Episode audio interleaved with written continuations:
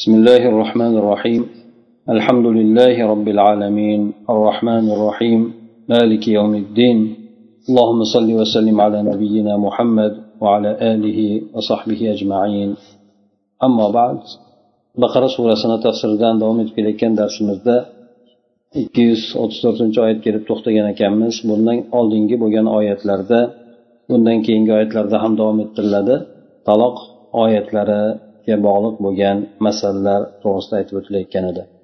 O'tgan safargi darsimizda taloq qilingan paytida bolalarni huquqini saqlab qolishlik xosatan kichik bolalar go'daklarni huquqlarini saqlab qolishlik ularni emizishlik borasidagi masalalar aytib o'tilgan edi.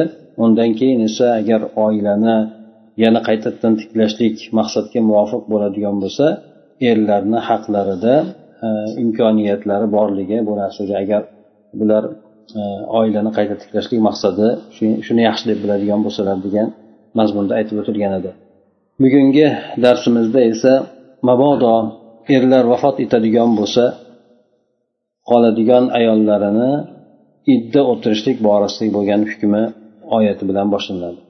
Aytadiki alloh taolo shaytonir rojim. Bismillahir rohmanir rohim والذين يتوفون منكم ويذرون أزواجا يتربصن بأنفسهن أربعة أشهر وعشرا فإذا بلغن أجلهن فلا جناح عليكم فيما فعلن في أنفسهن بالمعروف والله بما تعملون خبير sizlardan vafot etadigan kimsalar ya'ni vafot etadigan erkaklar hamda bular uylangan bo'lsa ayollarni qoldiradigan bo'lsalar bu ayollar o'zlari to'rt oyu o'n kun muddatda kutadilar deb keldi.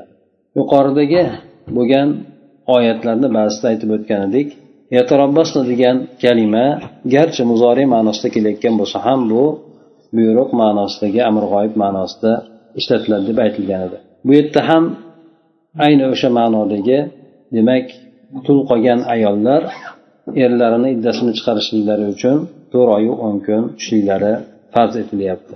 Ularni holati homilador emasligi e'tibori bilan. Homilador bo'ladigan bo'lsa bunda uni iddasi o'sha homilasini qo'ygunigacha bo'ladi. Bir hafta bo'ladimi bir oy bo'ladimi uzoqroq bo'ladimi qisqaroq bo'ladimi farqi yo'q shu iddadan qutulishligi bo'ladi.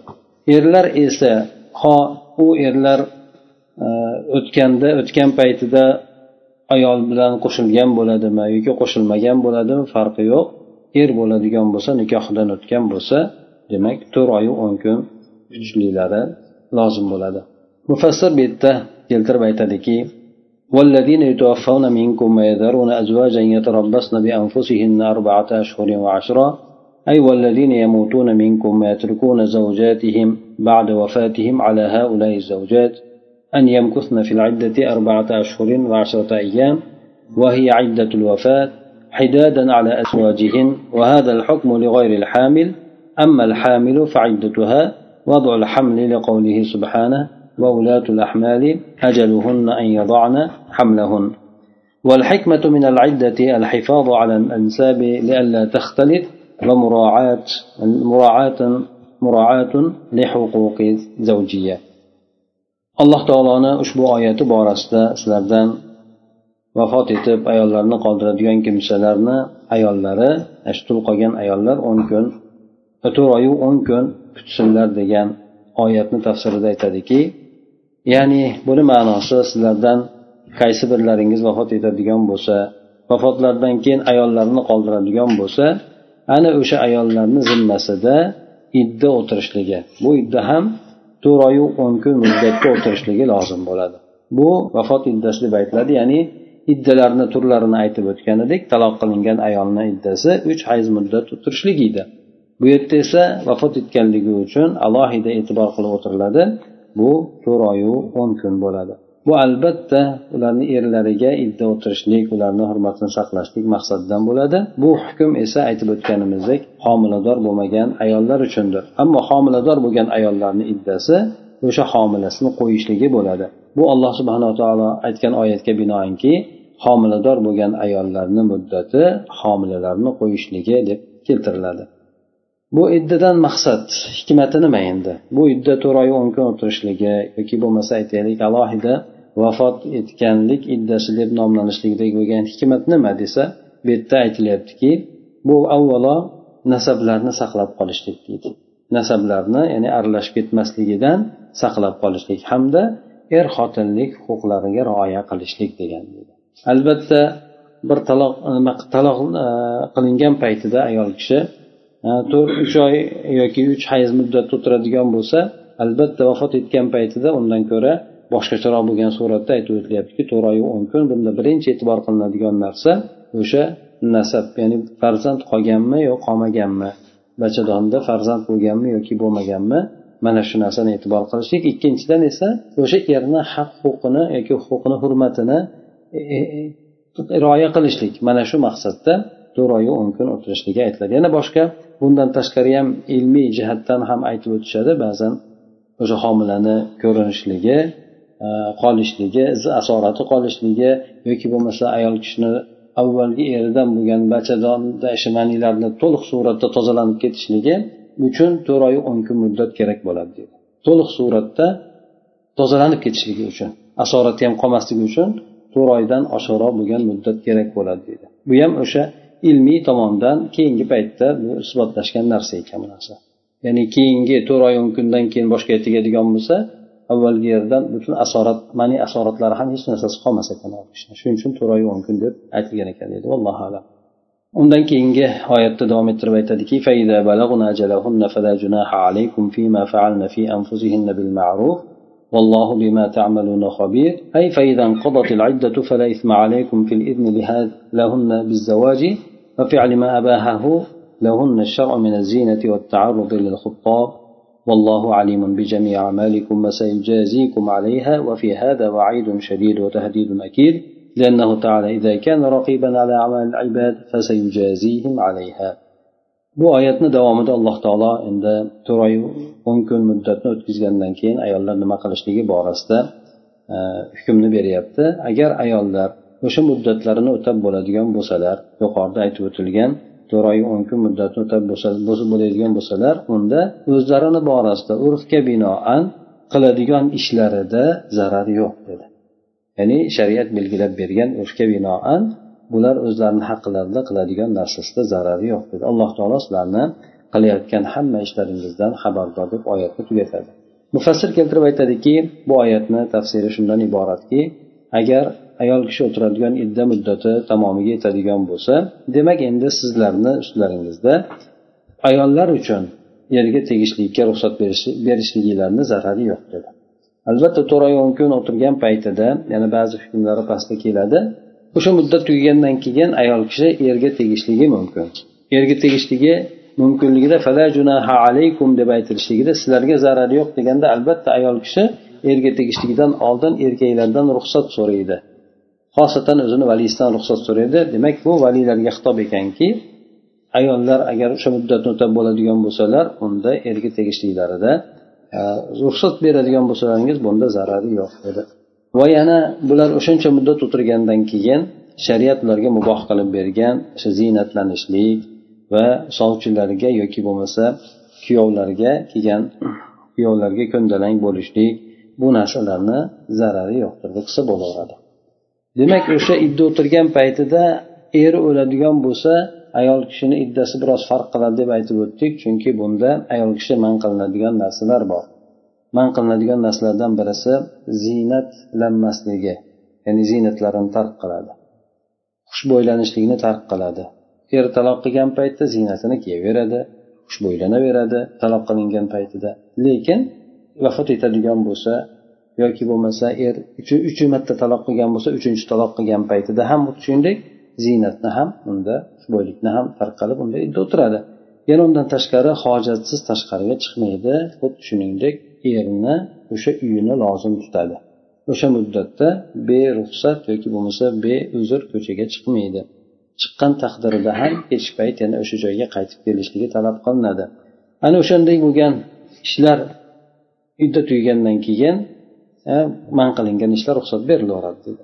Alloh taolo sizlarni hamma amallaringizni bilib turadi va yana o'shanga binoan sizlarni mukofotlaydi deb oyatni tamomiga yetkazadi.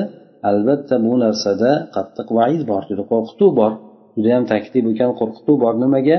Chunki alloh taolo agar bandalarni amallarini kuzatib turadigan bo'lsa bu degani o'shanga binoan yo jazolaydi yo mukofotini beradi degani. Shuning uchun alloh taolo sizlarni hamma ishlaringdan xabardor bo'lib turibdi degani ko'zinglarni ochinglar.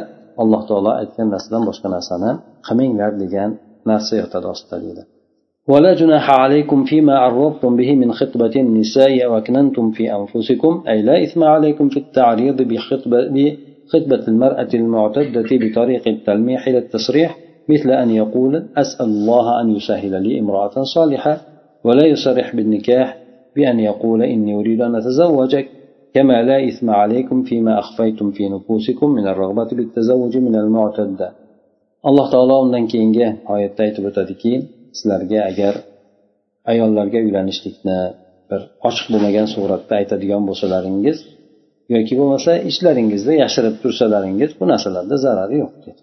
Mufassir keltirib aytadiki sizlarga o'sha iddada o'tirgan ayolni ayolga sovchi qo'yishlik bilan tariz qilsanglar tariz degani oshkor bo'lmagan suratda ishora bilan tushuntirishlik degani.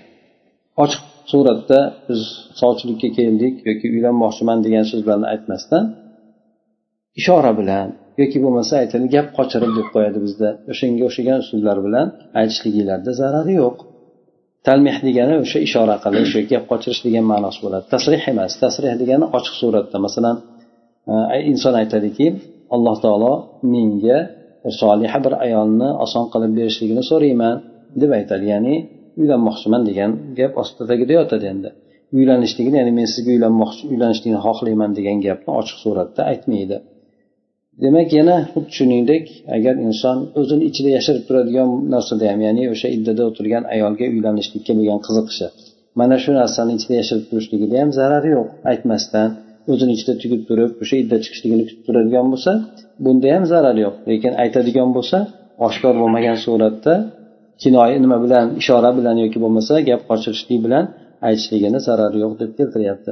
Buni ham albatta sababi bor chunki o'shuncha gap so'z bo'lishligi er o'lgandan keyin birov soch olib keladigan bo'lsa tegishlikka bir qiziqishni aytadigan bo'lsa bu yerda shu oilani avval erni oilasiga nisbatan ham yoki bo'lmasa qarindoshlarga nisbatan ham behurmatlik qildi boshqa degan gaplar gap so'z ko'payadi. Shuning uchun ayol kishi to iddadan chiqqungacha turishligi afzal bo'ladi mabodo unga nisbatan aytiladigan bo'lsa ham yuqorida aytib o'tilgandek ishora bilan yoki bo'lmasa gap qochirishlik bilan aytishligini zarari yo'q dedi agar mabodo shunga zarurat seziladigan bo'lsa علم الله أنكم ستذكرونهن ولكن لا تواعدوهن سرا إلا أن تقولوا قولا معروفا أي والله جل وعلا يعلم رغبتكم في الزواج منهن ولكن لا تواعدوهن بالنكاح في السر إلا عن طريق التلميح إلا التصريح alloh taolo insonlarni tabiatini bilganligi uchun aytib o'tdiki baribir alloh taolo biladiki sizlar aytib qo'yasizlar baribir dedi ha baribir aytmanglar degan taqdirda ham baribir aytib qo'yasizlar.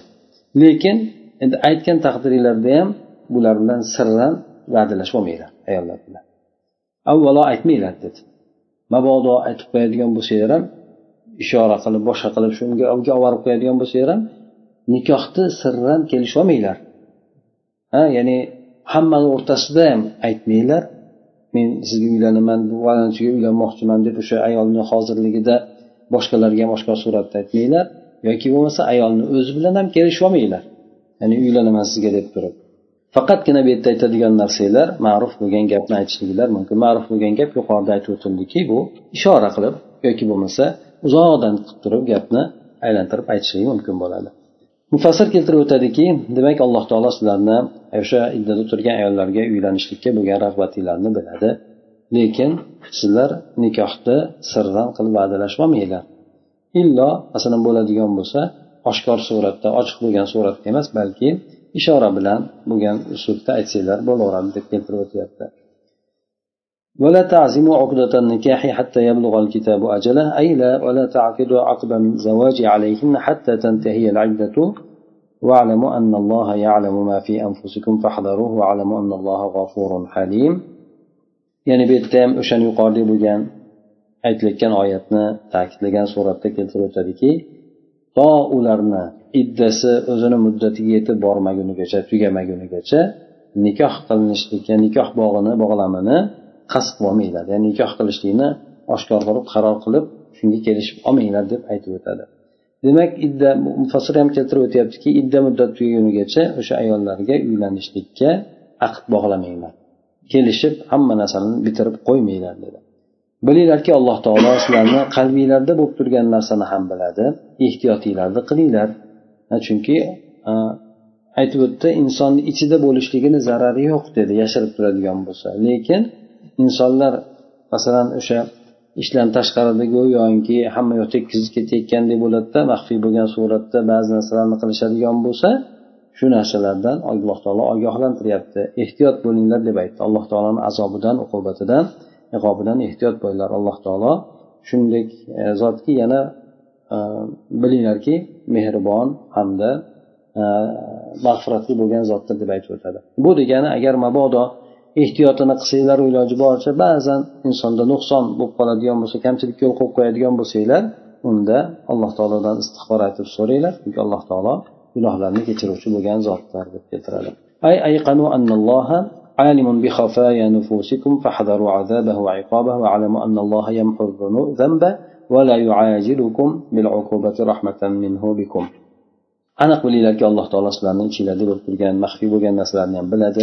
Alloh taoloni azobidan iqobidan uqubatidan ogoh bo'linglar saqlaninglar. Yana bilinglarki alloh taolo gunohlarni kechirib yuboradi. Sizlarga rahmat qilganligidan uqubatni tezdagina sizlarga berib qo'ymaydi. Ya'ni muddat tashlab kutib qo'yadi alloh taolo e, kuttirib qo'yadi endi insonni to gunohlarga mag'firat nima qilib olsin istig'for aytib olsin tavba qilib olsin deb turib. لا جناح عليكم إن طلقتم النساء ما لم تمسوهن أو تفرضوا لهن فريضة. أي لا إثم عليكم إن طلقتم النساء قبل المسيس الجماع إلا إذا سميتم لهن مهرا فلهن عند ذلك نصف المهر. أما إذا كان المهر غير مذكور فإن للمطلقة المتعة فقط. alloh taolo undan keyingi oyatda aytadiki yana sizlarga agar ayollarni ularga teginishlikdan oldin taloq qilib yuboradigan bo'lsalaringiz zarari yo'q. Yoki bo'lmasa ularga mahrni belgilab beradigan bo'lsalaringiz ham oldindan belgilab qo'ygan bo'lsalaringiz ham zarari yo'q dedi. Ya'ni bu yerda inson ba'zan birovga uylanadi kelishib qo'yadi hattoki nikoh ham bog'laydi lekin u bilan qo'shilmasdan turib ajrab ketadi. Nima? E, nima nimadadir kelisholmadi yo aytaylik xarakterlari kelishmadimi yoki bo'lmasa boshqa narsalar bo'ldimi? O'shanday qilishligida ham agar bir sabab bo'ladigan bo'lsa unga zarari yo'q. Albatta oila qurgandan keyin yaqinlik bo'lishi kerak degan narsa aytilmaydi. Shuning uchun bu yerda mufassir keltirib aytyaptiki ayollarni mabodo qo'shni teginishidan oldin taloq qiladigan bo'lsalaringiz sizlarga zarar yo'q. Illo endi agar ularga mahrni aytib qo'ygan bo'lsalaringiz unda e, mahrni yarmini berasizlar. Mahrni aytib qo'ygan bo'lsa masalan birovga uylandi nikoh ham qilib qo'ydi nikoh qilgan paytida mahr tayin qilinadi. Mahr tayin qilinmagan taqdirda ham mahr misli degan narsa bor bo'ladi bu yerda. Mahr tayin qilinganda aytilsaki e, bir ming dollar bo'lsa yoki bo'lmasa bir narsani aytsa masalan hajga borib kelaman degan e, mahrni qo'yadigan bo'lsa bunda o'sha mahrni yarmini beriladi. Yarmi qancha bo'ladi? Ya'ni ming dollarni yarmi besh yuz bo'ladi. Hajga borib kelishlikni yarmi boring ikki ming dollar bo'lsa kerak. To'rt ming dollar ketsa ikki ming dollar bo'ladi yoki shunga qarab hisob kitob qilib chiqiladida o'sha yarmini berishligi lozim bo'ladi endi. Agar mahrni aytmagan bo'lsachi mahrni kelishmagan bo'lsachi unda mahrni kelishmagan bo'lsa unda u ayolni bir qator kiyim qilib beriladi. Ya'ni muta degani foydalantiriladi. Foydalantirishlikda olimlar aytishadiki bu inson o'zini himmatiga qarab bo'ladi. Nimaga bu narsa o'sha uylanib qo'yib turib keyin qo'yib yuborgandan keyin ayolni ko'ngli o'ziga yarasha og'riydi dili og'riydi. O'sha narsani isloh qilishlik uchun tuzatishlik uchun bu yerda e, ayolga narsa beriladi. Toinki e, bundan ham tushuniladiki demak ayb ayolda emas degan narsa ham tushuniladi erkak kishi taloq qilgan bo'lsa unga yaxshi narsalarni bergan bo'lsa e, masalan aytiladiki ayolda ayb bo'lgan deydi bu narsalarni berilmagan bo'ladi degan tushuncha ham kelib chiqadi. Shuning uchun shu narsalarni ham oldini olgan suratda ayol kishini ko'nglini ko'tarishlik uchun ham o'sha narsalarni beriladi deydi ومتعوهن على الموسع قدره على المقتر قدره متاعا بالمعروف حقا على المحسنين أي فإذا طلقتموهن فادفعوا لهن المتعة تطيبا لخاطرهن وجبرا لوحشة الفراق على قدر حال الرجل في الغنى والفقر لمن كان من أهل الفضل والإحسان والمتعة شيء من المال أو الثياب يدفعه لها إكراما وإحسانا إن لم يكن هناك مهر مذكور mufassir keltirib aytadiki agar sizlar ayollarni taloq qiladigan bo'lsalaringiz ularga agar aytib o'tildi mahri berilmagan bo'lsa tayin qilinmagan bo'lsa unda foydalantiringlar ya'ni muta beringlar. Muta degani aytib o'tdik ya'ni ayol kishiga bir mol dunyo beriladi endi. Bu mol dunyosi har xil bo'ladi aytib o'tiladiki bu yerda boy boyga boyligiga qarab kambag'al o'zini holiga qarab beradi. Hech bo'lmaganda o'sha ayolni bir qator kiyimini qilib beriladi. Bu narsani sababini keltiryaptiki ayollarni o'sha dillarini xursand xushnud qilishlik uchun hamda ayriliq vahshatini ya'ni yolg'izligini isloh qilish tuzatishlik uchun o'rnini bosishlik uchun mana shu narsani qilinadi. Bu yerda kishini holatiga qarab turib beriladi boylikda bo'lsin kambag'allikda bo'lsin. Endi bu narsa ehsonkor bo'lgan bir fazilatli bo'lgan odamlar uchundir bu narsa deydi. Endi bu yerda olimlar ixtilof qilishgan ekan. Ya'ni taloq qilingandan keyin albatta o'sha ayol taloq qilingan ayolga berish kerak bo'ladi. Yoki qanday taloq qilingan ayolga berishlik kerak bo'ladi? Ba'zilar buni farqlatishgan ekan. Ba'zilar esa to'liq suratda ya'ni qaysi bir taloq qilingan ayol bo'ladigan bo'lsa erkak kishi tomonidan o'sha ayolga nisbatan bir e, ozroq mol beriladi. Yoki bo'lmasa bir usti bosh qilib beriladi bosh oyoq sarpo degandek qilib beriladi deb aytishgan ekan. Ba'zilar esa ajratishgan ekan. Agar masalan qo'shilmasdan turib taloq qiladigan bo'lsa yuqoridagi oyatda keltirilgandek o'shanday bo'lgan holatda beradi. Agar mahr zikr qilinmagan bo'lsa mahr zikr qilingan bo'lsa unda bermaydi. Ha? Deb ya'ni berma shu vojib bo'ladi degan. Bu yerda oyatda keltiryaptiki haqqon alal muhsinin dedi. Muhsin bo'lgan odamlarga haq dedi. Hammaga emas. Hammaga bo'lganda unda hammaga deb aytilgan bo'ladi. Bu ehsonkor bo'lgan ya'ni fazilat istagan birovlarga yaxshilik qilishlikni istagan odamlarga lozim bo'lgan ishki ular beradi deydi demak qolganlarni haqida nima bo'ladi desa qolganlarni haqida mustahab bo'ladi deydi shuning uchun olimlarni bu yerda to'rt masala borasida bunda ixtilof qilishgan ekan. Lozim vojib bo'ladimi yoki mustahab bo'ladimi? Vojib bo'ladi deganlar kimlarga vojib bo'ladi? Hammagami yoki bo'lmasa e, ba'zi e, bo'lgan taloq qilingan ayollargami?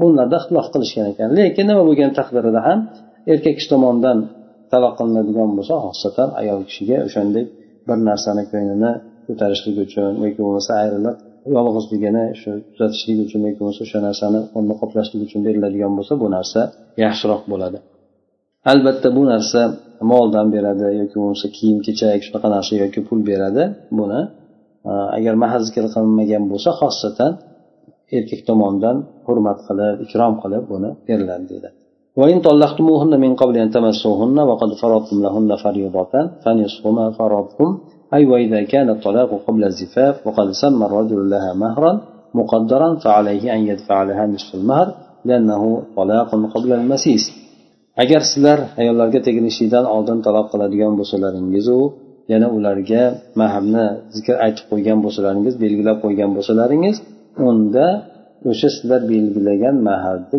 yarmi beriladi sizlarga berishlik lozim bo'ladi deb aytilyapti Mufassir ham keltirib aytyaptiki demak to'ydan oldin taloq qilinadigan bo'lsa va odam unga belgilab qo'yilgan mahrni aytib qo'ygan bo'lsa paloncha mahr beramiz deb kelishib qo'yishgan bo'lsa bunda u odam o'sha mahrni yarmini berishligi lozim bo'ladi.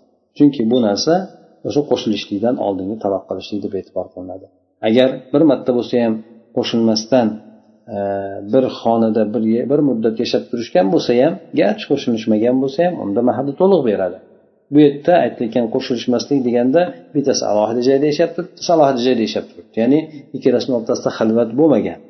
Xilvat bo'lmagan bo'lsa unda nikohdan oldingi ya'ni qo'shilishdan oldingi taloq deb e'tibor qilinadi. Ikkalasi bir joyda kelib bir muddat yashagan bo'lsa unda farqi yo'q. Ikkalasi demak qo'shilganmi qo'shilmagan farqi yo'q. Qo'shilgan deb e'tibor qilinadi. Xilvat bo'lganligi uchun ya'ni holilik bo'lganligi uchun. Bunda mahalda to'liq berish kerak bo'ladi.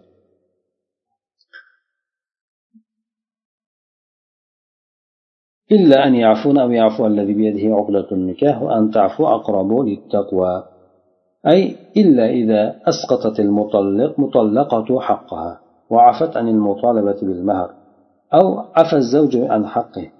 وقد كان قد دفع لها كامل المهر والتسامح والعفو أفضل عند الله.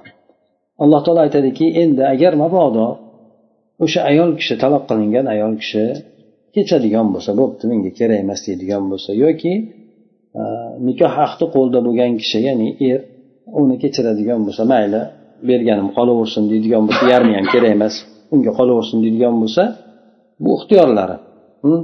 Lekin afu qilsanglar bir biringlarga nisbatan kechirimli shunday bo'la samimiy bo'ladigan bo'lsanglar bu narsa taqvoga yaxshiroq deb alloh taolo aytib o'tadi.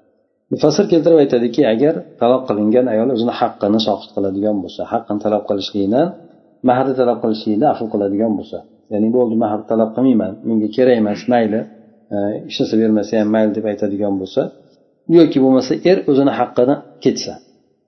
Ayol kishiga to'liq mahrni berib qo'ygan bo'lsa ha bu menga kerak emas endi yarmini ham bermay qo'yaversin o'ziga qolaversin deydigan bo'lsa mana shu narsa alloh taoloni huzurida afzaldir deydi ya'ni ikkala tomonda ham alloh taolo afu qilishlikka chaqiryapti. Kelin tomonda ham agar imkoniyating bo'lsa talab qilmagin deyapti. Erga ham aytyaptiki berib qo'ygan bo'lsang olib yotmagin deyapti. Ya'ni bir birlariga nisbatan sal kechiringlar bo'linglar deb aytib o'tyapti. أي لا تنسوا الجميل والإحسان الذي بينكم الخطاب للرجال والنساء بطريق التغليب أي ينبغي أن تراعوا العلاقات الزوجية بينكم ويظل المعروف والإحسان صفة المؤمنين في حال الإنفاق والطلاق alloh taolo aytadiki o'rtanglarda bo'lgan fazl marhamatni e, unutmanglar dedi. Albatta ba'zida orada har xil yaxshi yomon bo'lgan ko'proq yaxshi bo'lgan gaplar ketadi. Masalan garchi nima qilinmagan taqdirda ham qo'shilmagan taqdirda ham o'shanda bo'lgan o'rtanglardagi fazillarni unutmanglar. Albatta alloh taolo sizlar qilayotgan ishlaringizni ko'rib turadi dedi. Ya'ni sizlar oranglarda bo'lgan ehson bo'lsin yaxshi ishlar bo'lsin go'zal narsalar bo'lsin bu narsalarni unutmanglar. Bu yerdagi xitob erkaklarga ham ayollarga ham o'zi aslida. Lekin bu yerda deb turib muzakkar suratda keltirishligi bu erkaklarni g'olib bo'lganligi yo'li bilan bo'ladi. Ya'ni shunaqa uslubda erkak bir erkaklar uchun birinchi qo'llanilganligida shu muzakkar siyg'asini keltirib o'tyapti. Aslida ayollarga ham erkaklarga ham tegishli bo'lgan hukmdir bu. Oralaringizdagi bo'lgan er xotinlik aloqalariga rioya qilishliginglar kerak bo'ladi.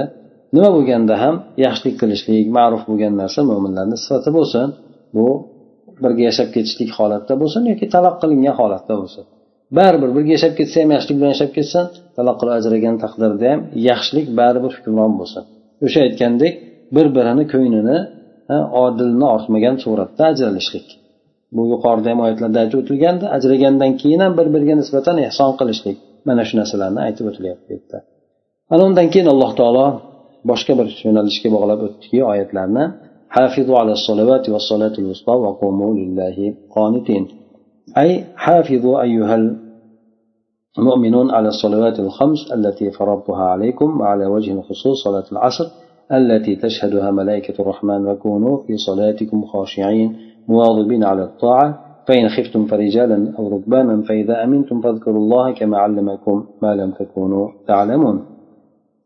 Alloh taolo keyin xitob qilib aytdiki mo'minlarni alloh taoloni ibodatlariga asosiy ahamiyatni berishligini chunki agar inson alloh taoloni ibodatlariga asosiy ahamiyatni beradigan bo'lsa ikkala tomon ham allohni ibodatini yaxshi ado etadigan bo'lsa o'rtasidagi bo'lgan yuqorida aytib o'tilgan hukmlarga amal qilishlik birinchidan oson bo'ladi ikkinchidan ikkalasini o'rtasida ham bir biriga nisbatan mo'minlik birodarligi saqlanib qoladi.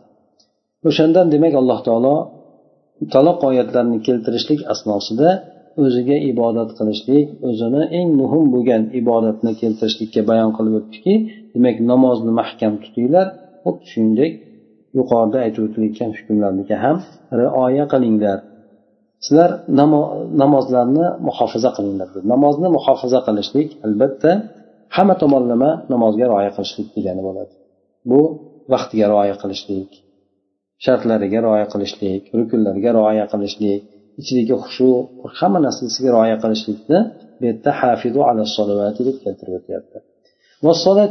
Dedi o'rta namoz dedi. O'rta namoz qaysi namoz bo'ladi? O'rta namoz borasida olimlarni ixtilofi bor. Har olimlar har namozlarni aytib o'tadi. Ba'zilari bomdod namozini ko'pchiligi asr namozini yana boshqalar bor. Har bitta namoz o'zini o'rnida o'rta namoz deydi ya'ni ikkita namozni o'rtasiga tushadi deydi. Lekin ko'proq bo'lgani solatul ustoni asr namozi deb aytiladi. Chunki bu narsaga ali ibn abi tolib roziyallohu anhuda abdulloh masud boshqalardan rivoyatlar kelgan payg'ambar alayhisalom davrlarida ahzob jangi bo'ladi mushuklar bilan bo'lgan jangda payg'ambar alayhisalom ularni haqqiga duoibat qiladi.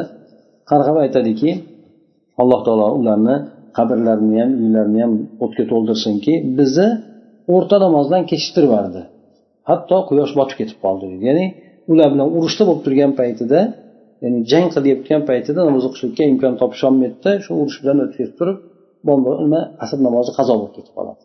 Vaqtidan o'tib ketib qoladi. Ana o'shanda o'shanga binoan yana undan tashqari ba'zilar aytadiki hafiz asri degan oyat bo'lgan deydi. U keyin hazf mansux bo'lgan deydi. O'rniga shu solati usto degan oyat e, so'z qolgan deb aytishadi.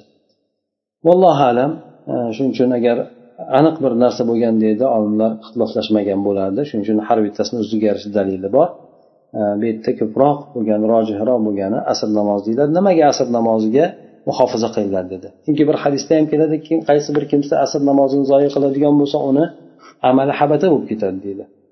Olimlar aytadi ya'ni butun amali habata bo'ladimi yoki kunlik amali habata bo'ladimi? Ba'zilar kunlik amal deydi ya'ni butun amal emas balki kunlik amali habata bo'lib ketadi ya'ni ko'kka sovrilib ketadi ajrsiz qoladi deydi.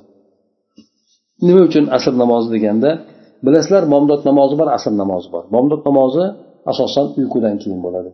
Uzoq uyqudan keyin bo'ladi shunga ham turish qiyin odamni bomdod namozida uzoq uyqudan bo'lganligi uchun. Odatda asr namozida ham uyqudan keyin bo'ladi. Hozir ham xuddi shuningdek. Peshin bilan asrni o'rtasida kun rosa qizigan payti bo'ladida ko'proq bu paytda odamlar dam oladi. Dam olganda bilasizlar peshindan keyin hech qancha o'tmaydida ovqatlanib boshqa qilib dam oladigan bo'lsa bir soat ikki soat bo'ladi xolos. Zoyi bo'lib ketishiga sabab bo'lib qoladi. Ya'ni qisqa muddat uyqudan odam uyg'onishligi juda yam qiyin bo'ladi shuning uchun zoyi bo'lib ketib qolishi ko'proq bo'lib qoladi asr namozini. Bizda endi odatda peshin bilan asrni o'rtasida ya'ni kunlar qisqa bo'lganligi yoki bo'lmasa e, dam olishlik bemalol kech paytga qoldirilganligi uchun bilinmaydi lekin ba'zi e, masalan saud madinada makka madina shu tomonlarda kun uzoq bo'lganligidan issiq bo'lganligidan judayam shu peshindan keyingi payt qizigan bo'lganligidan odatiy odamlarni shu peshindan keyin asrgacha dam olish. Xuddi kech payt qanday dam olinadigan bo'lsa hamma xuddi shuningdek dam oladi. Kamdan kam narsa ishlaydi. Ana o'shanda ozgina qisqa muddatda uyqu bo'ladida uyqu bo'lgandan keyin odamlarda o'sha asr namozi zoyi bo'lib ketishligi ko'proq bo'ladi. Yo jamoat yoki butunlay so'rab endi avvalgi davrda ham xuddi shunday bo'lganmi vallohu alam. Asrdan keyin qaysi payt? Ba'zilarda ha kechikmay kechki bozadi deydi boshqa deydi. Odam ya'ni e, ko'proq mashg'ul bo'lib qoladi allohu alam. Bu yerda hozirgi paytda ham o'sha misol keltirib aytyapmiz endi ehtimol oldingi zamonda boshqacha bo'lgan bo'lishi mumkin lekin hozirgi paytda ham o'sha asr namoziga e'tibor sal susayib ketib qoladi. Hamma ham uyg'onib o'qiyvermaydi. Yana aytdiki alloh taolo uchun qunut bilan turinglar dedi. Qunut degani ibodatda mahkam qilishlik degani mahkam ibodat qilgan holatda qoyim turinglar dedi. Mufassir keltirib aytadiki hafizu ayyuhal mo'minun ey mo'minlar sizlar besh vaqt namozga rioya qilinglar. Bu narsalarni sizga farz qilganman. Yana xosatan shularni ichida asr namoziga mahkam bo'linglar deydi bu asr namozi qaysi? Asr namoziki bu rahmon farishtalari unga guvoh bo'ladi deydi asr, asr namozi shundayki bunga nima? Rahmon farishtalari alloh taoloni farishtalari hamroh bo'ladi. Bilasizlarki ikki paytda farishtalar almashinuv bo'ladi. Bu bomdod vaqtida bo'ladi. Inna solatul fajri ya'ni shu makkani mashhur edi. Ya'ni qiroati guvoh bo'linadi. Farishtalar tomonidan guvoh bo'lib turiladi. Yana birisi esa asr namozida. Ertalabki kunduzda yurgan farishtalar asr namozi yuqoriga ko'tariladi. Kechki paytga tushadigan farishtalar asr namozida pastga tushadi endi. O'sha demak farishtalar ko'tariladigan chiqadigan tushadigan farishtalar asr namozi bilan bomdod namozida ko'rishishadi bir biri bilan ana o'sha paytda asr namozi ham shuni aytilyaptiki asr namozini ham fazilatlaridan bittasi bo'lishligi alloh taolo tomonidan tushadigan farishtalar o'sha namozga guvoh bo'ladi.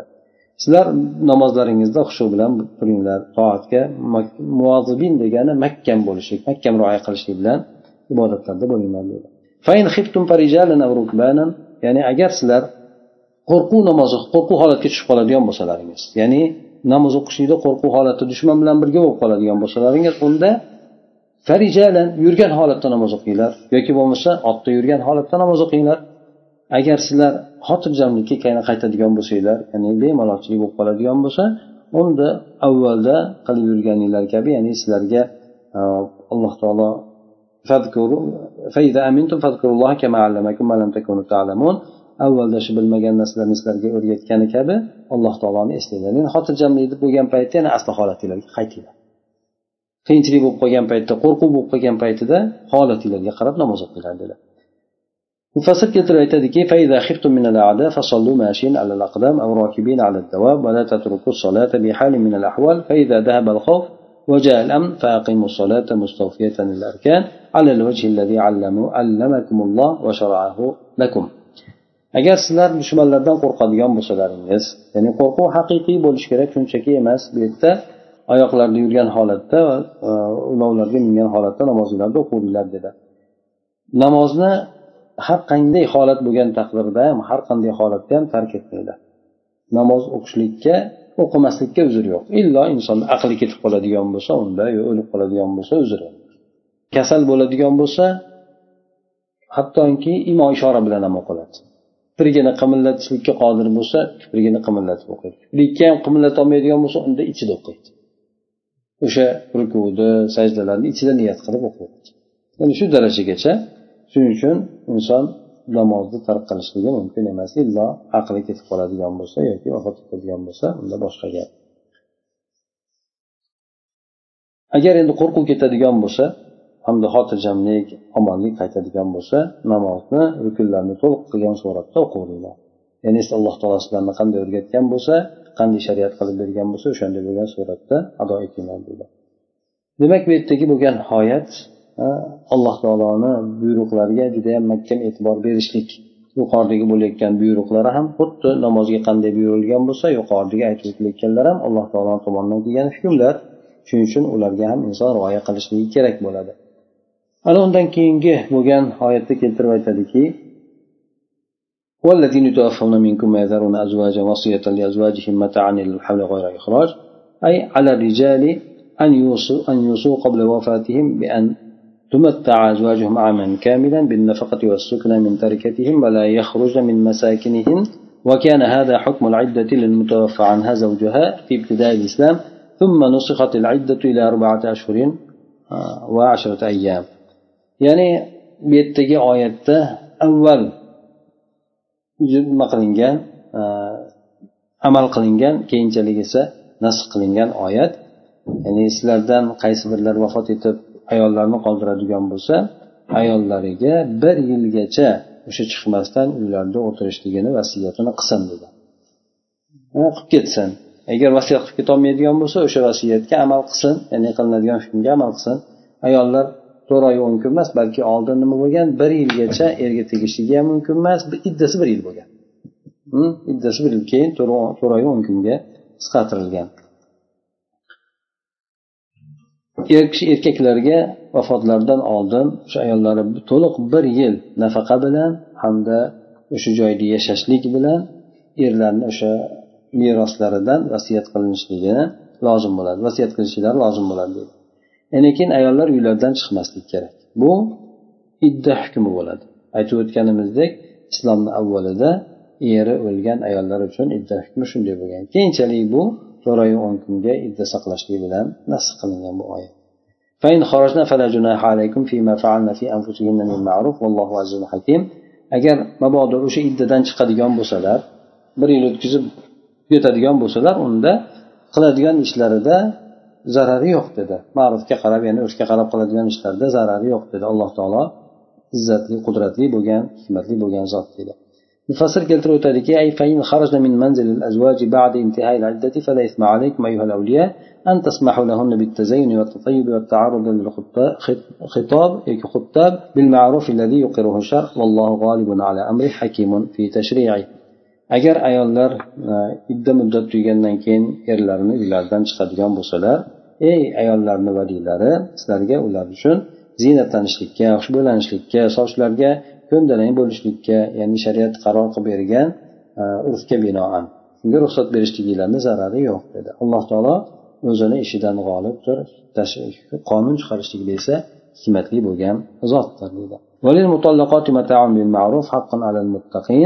أي الواجب على الأزواج تمطيع المطلقات بقدر استطاعتهم بالمعروف الذي شرعه الله وعرفه الناس جبرا لوحشة الطلاق والفراق وهذا حق واجب على المؤمنين المتقين لله.